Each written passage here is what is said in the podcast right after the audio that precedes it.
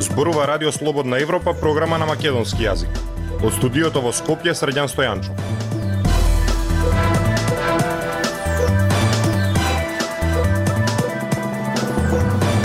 Ја слушате емисијата на Радио Слободна Европа, почитувани. Во неа објавуваме Син на пратеник и поранешен осуденик предничат во добивањето тендери за снабдување со нафта на државните институции мали очекувања дека конечниот француски предлог ќе го тргне ветото за Европската Унија.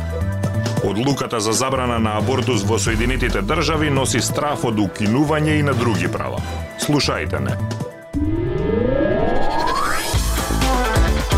Независни вести и анализи за иднината на Македонија на Радио Слободна Европа и слободнаевропа.мк. Син на пратеник, поранешен осуденик, како и бизнисмени од градежниот сектор предничат во добивањето тендери за снабдување со нафта на државните институции. Државниот колач за горива од 30 милиони евра за година и половина го поделиле 9 нафтени компании. Тоа е една третина од вкупно 27 фирми кои имаат лиценции и работат на македонскиот нафтен пазар. Прилог на Зорана Гаджовска-Спасовска.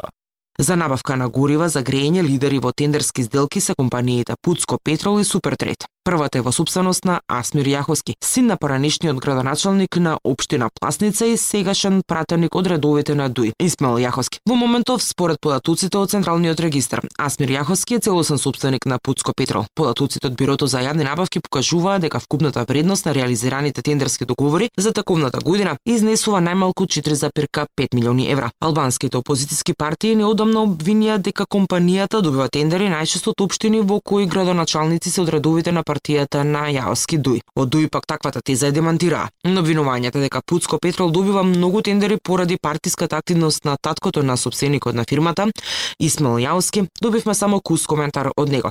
Никаква врска немам со Пуцко Петрол ни изјави на телефон пратеникот Јаоски. Првата антикорупционерка Билјана Ивановска вели дека актуелниот закон за судирни интереси го ограничува во рамките на директно учество во јавна набавка. Кога немаме класичен судирни интереси како што е во овој случај, тогаш можеме да зборуваме само за влијание, кое што е најтешко докажливо, но факт е дека е широко распространето кај нас, мислам во нашава држава и дека е силно и постои. Таа објаснува дека токму политичкото влијание е најсериозниот проблем кој што е тешко да се докаже во постапката но често е очигледен. Второ рангираната фирма Супер Трет од почетокот на годинава наплатила од државата 225 фактури во вредност од над 1 милион евра, покажуваат податоците од отворени информации. Минатата година оваа фирма остварила добивка од 3,2 милиони евра. Според податоците од Централниот регистар, оваа компанија е во собственост на Владимир Стајч, кој е прогласен за почесен конзул на Србија во Македонија. Тој беше еден од сведоците во судскиот процес Плацевите на Водно, кој беше поврзан со бизнисмени блиски до поранишниот лидер на ВМРО ДПМН Никола Груевски. Од почетокот на годинава, фирмата Тритерол Петрол од државните сметки наплатила 248 фактури за набавка на горива. Вкупната вредност на тендерите за набавка на горива за грејење од почетокот на годинава изнесува 3,8 милиони евра. Собственик на оваа компанија е Липчо Пецов, кој беше осуден на казна затвор од 7 години. Во судски предмет познат во јавноста како керозин, поради како што се вели во обвиненијата од 2013 година, точење на помало количество нафта отколку предвиденото со договорите за јавни набавки, со што бил уштеден буџетот за речиси 3 милиони евра. Анализата на јавните набавки покажува дека едни исти фирми добиваат тендери во одредени општини. Антикорупционерката Ивановска вели дека проблемот е во фер конкуренција. Дали има тука фер конкуренција би рекла дека нема. Од 30 фирми ако само 6 се вртат и добиваат, значи нема фер конкуренција или има некаков проблем. А, повеќе мислам дека а, дека тие сами си се групираат и си го чистат пазарот уште пред да се јават на тендерот, си го, си го делат колата, отколку тоа да оди преку една фер постапка. Низиното искуство покажува дека пазарот е поделен и дека често се знае која фирма на кои тендери ќе се јави и во кои региони ќе ги добија. Институциите купиле горива за моторни возила во период од јануари 2021 до денеска во вредност од најмалку 4 милиони евра, покажуваат податоците од Бирото за јавни набавки. Најчесто за гориво на моторни возила пари били исплаќани кон нафтените компании Мак Петрол и Лукойл. Дајте ни 15 минути и ние ќе ви го дадеме светот. Слободна Европа.мк Нема да има поместување на бугарското вето во финалната верзија на францускиот предлог, прогнозираат аналитичари за Радио Слободна Европа. До крајот на месецот истекува француското председателство, а на него се чека да се изјасни за дополнувањата на македонската и бугарската страна на предлогот. Аналитичарите очекуваат технички модификации во предлогот, но не и драстично подобрување. Јасмина Јакимова, На неколку дена до завршувањето на француското председателство со Европската унија, неизвестна е судбината на францускиот предлог, со кој требаше да се крене бугарското вето и да почнат преговорите на Македонија за влез во Европската унија. Македонските власти рекоа не за првичниот текст на предлогот. Бугарското собрание па го усвои дополнувајќи го текстот со своите црвени линии кон Македонија. Сега Жешкиот Костане повторно во земјава, која ќе треба да го повтори кажаното не за предлогот или да ретерира во ставовите, по официјалното врачување на конечната верзија, што треба да ја финализира и да достави Франција во преостанатите неколку дена. Аналитичарите не очекуваат дека нешто драстично ќе се случи во следниве денови. Според долгогодишниот дипломат Драган Јањатов, Македонија сега се наоѓа пред свршен чин да го земе или одбие понуденото. Суштината е во тоа што Македонија сама падна во собствената замка. Се сплетка во бугарската пајакова мрежа и сега не знае како да се отплетка од тоа. Лошите позиции во кои сега е Македонија ги припишува на неуспехот на луѓето што ги водат овие процеси. Веле дека не смее да се дозволува поединци да решаваат стратешки прашања. Сега забележува дека веќе е предосна за нешто да биде направено. Бугарија ветото за Македонија за почеток на преговорите го стави пред две години, поради несогласување околу македонскиот јазик и македонската историја. Франција како председавач со Унијата се обиде да помогне за негово кревање со својот француски предлог, доставен пред неколку недели, кој за да биде усвоен требаше да го прифатат сите земји членки на Унијата, заедно со Македонија. Со него за прв пат билатералните прашања меѓу Македонија и Бугарија беа ставени во преговарачката рамка за ЕУ. Во очекување на усогласената верзија на францускиот предлог, Јањатов не е оптимист за Македонија. Единствено забележува дека евроинтеграциите може да се деблокираат за Албанија, која во процесот за преговори беше врзана во пакет со земјава, а бугарското вето, иако немаше никаква врска со оваа држава, сепак го блокираше низиното членство во Унијата. Меѓународната заедница е изморена од, од тој проблем. Ќе ја пуштат Албанија да оди сама, да ги почне преговори. Тоа ќе биде целата придобивка. И аналитичарот Мерсел Белјали нема големи очекувања во однос на придвижување на евроинтеграциите за Македонија во следните денови. Мислам дека е многу тешко и јавноста е наелектризирана со брзото реагирање во однос на предлозите, промените, тоа што се случи во Бугарија и не е толку едноставно сега да се направи некоја политичка е, акробација во однос на ставовите, предпоставувам дека ќе остане за октомври. Билјале смета дека има премолчен консензус во земјава од страна на сите политички фактори околу нашите црвени линии. Не очекува голем меѓународен притисок кон Македонија, бидејќи веле дека самитот на ЕУ покажа дека Западен Балкан не е главниот фокус на Унијата. Францускиот предлог е трет обид за деблокирање на бугарското вето во изминатите две години. На него му предходеа германски и португалски предлози, именувани според европските држави што во тој период председаваа со Унијата. Актуелности свет на Радио Слободна Европа. Милиони американци внимателно следат дали Врховниот суд ќе продолжи со укинување на други права за кои сметаа дека им се обезбедени од предходните генерации откако во петокот судот ја укина уставната гаранција за правото на абортус. Во прашање сега се доведуваат правото на контрацепција, правата на малцинствата или правото на истополови бракови.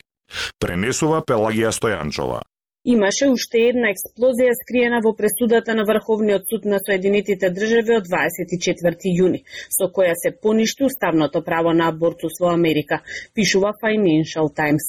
Во идните случаи треба да ги преиспитаме сите материјални преседани на овој суд во согласно со законите, напиша 74 годишниот конзервативен судија Кларенс Томас. Со таа една фраза, посочува лондонскиот весник, судијата Томас ги разбудил стравувањата на либералните американци дека највисокиот суд во земјата ќе ги смени преседаните кои воспоставија уставни права на слични принципи, како во случајот Ро против Вейт од 1973 со кој се заштити правото на абортус.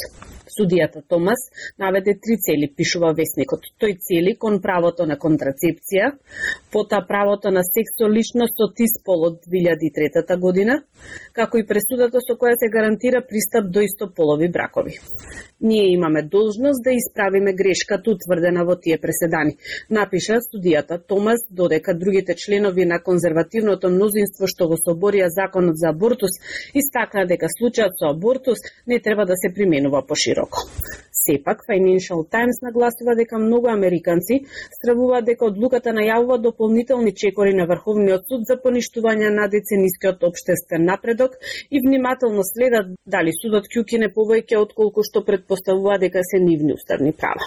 Можноста пресудата за абортус од петокот да има многу поголема применливост од самата забрана за абортус е централниот аргумент на тројцата либерални судии на Американскиот врховен суд, посочува Американскиот конзервативен вестник Wall Street Journal.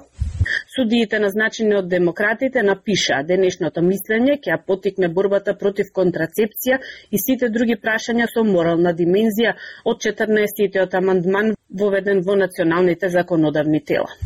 Недостатокот на јасен и конзистентен одговор кај огромното мнозинство конзервативни судии кои го контролираат Врховниот суд ги зголеми стравувањата кај левицата дека одлуката за абортус може да биде само почеток на остра промена надесно за прашања директно поврзани со интимни лични избори, пишува Нью Йорк Таймс многумин изразија загриженост дека не само што ќе се ограничи правото на пристапот до абортус, туку може да значи преспртница во укинување на низа други заштитни мерки за расните етничките малцинства, хомосексуалците и други, пишува Вашингтон Пост. Како да се разбудивме во 50-тите години од 20-тиот век, рече Медисон Дейвид, 26 годишна девојка од Висконсин, која рече дека пресудата ја потврдува незината потреба да се подготви за борбата за правата, дури и оние што се чинеше мислеше дека ги добиле предходните генерации. Слободна Европа. Следете на на Facebook, Twitter и YouTube. Интервјуто со американскиот аналитичар и познавач на состојбите на Балканот Едвард Джозеф предизвикало бројни коментари на посетителите на Facebook страницата на Радио Слободна Европа. Джозеф меѓу другото зборува и за бугарското вето на македонските евроинтеграции. Читателите коментирале и за парадата на гордоста која по трет пат се одржа во Скопје. Прегледот на вашите коментари ги подготви Горица Попова. Бугарија е како Русија, пристапот е ист, тактиката е различна. Вака го оценува однесувањето на нашиот источен сосед Роберт Джозеф, добар познавач на состојбите на Балканот, професор на школата за меѓународни напредни студии во Мисури, САД и поранешен дипломат во интервјуто за Радио Слободна Европа на македонски јазик, во кое покрај другото вели дека Путин победува во наводници на Балканот со одржување нестабилност. На нашата Facebook страница Ајет Медиа Амети му порачува. Ова што го кажувате на нас би било убаво да го кажете во Брисел. Оние што го следат нашето радио развиле дискусија во која го искажуваат својот револт спрема Бугарија за ветото со кое го спречува почетокот на преговорите на Македонија за членство во ЕУ. Интересно е што меѓу посетителите на Facebook страницата има и по некои бугарски граѓани кои како да имаат задача да провоцираат. Илија Славчев, на пример, пишува: Не Бугарија, а Србија ги труе мозоците на македонците, при што македонците се ставени во наводници. Филип В му реплицира: 150 години спиете на тоа уво и памет не ви дојде. Затоа сте дупката на Европа.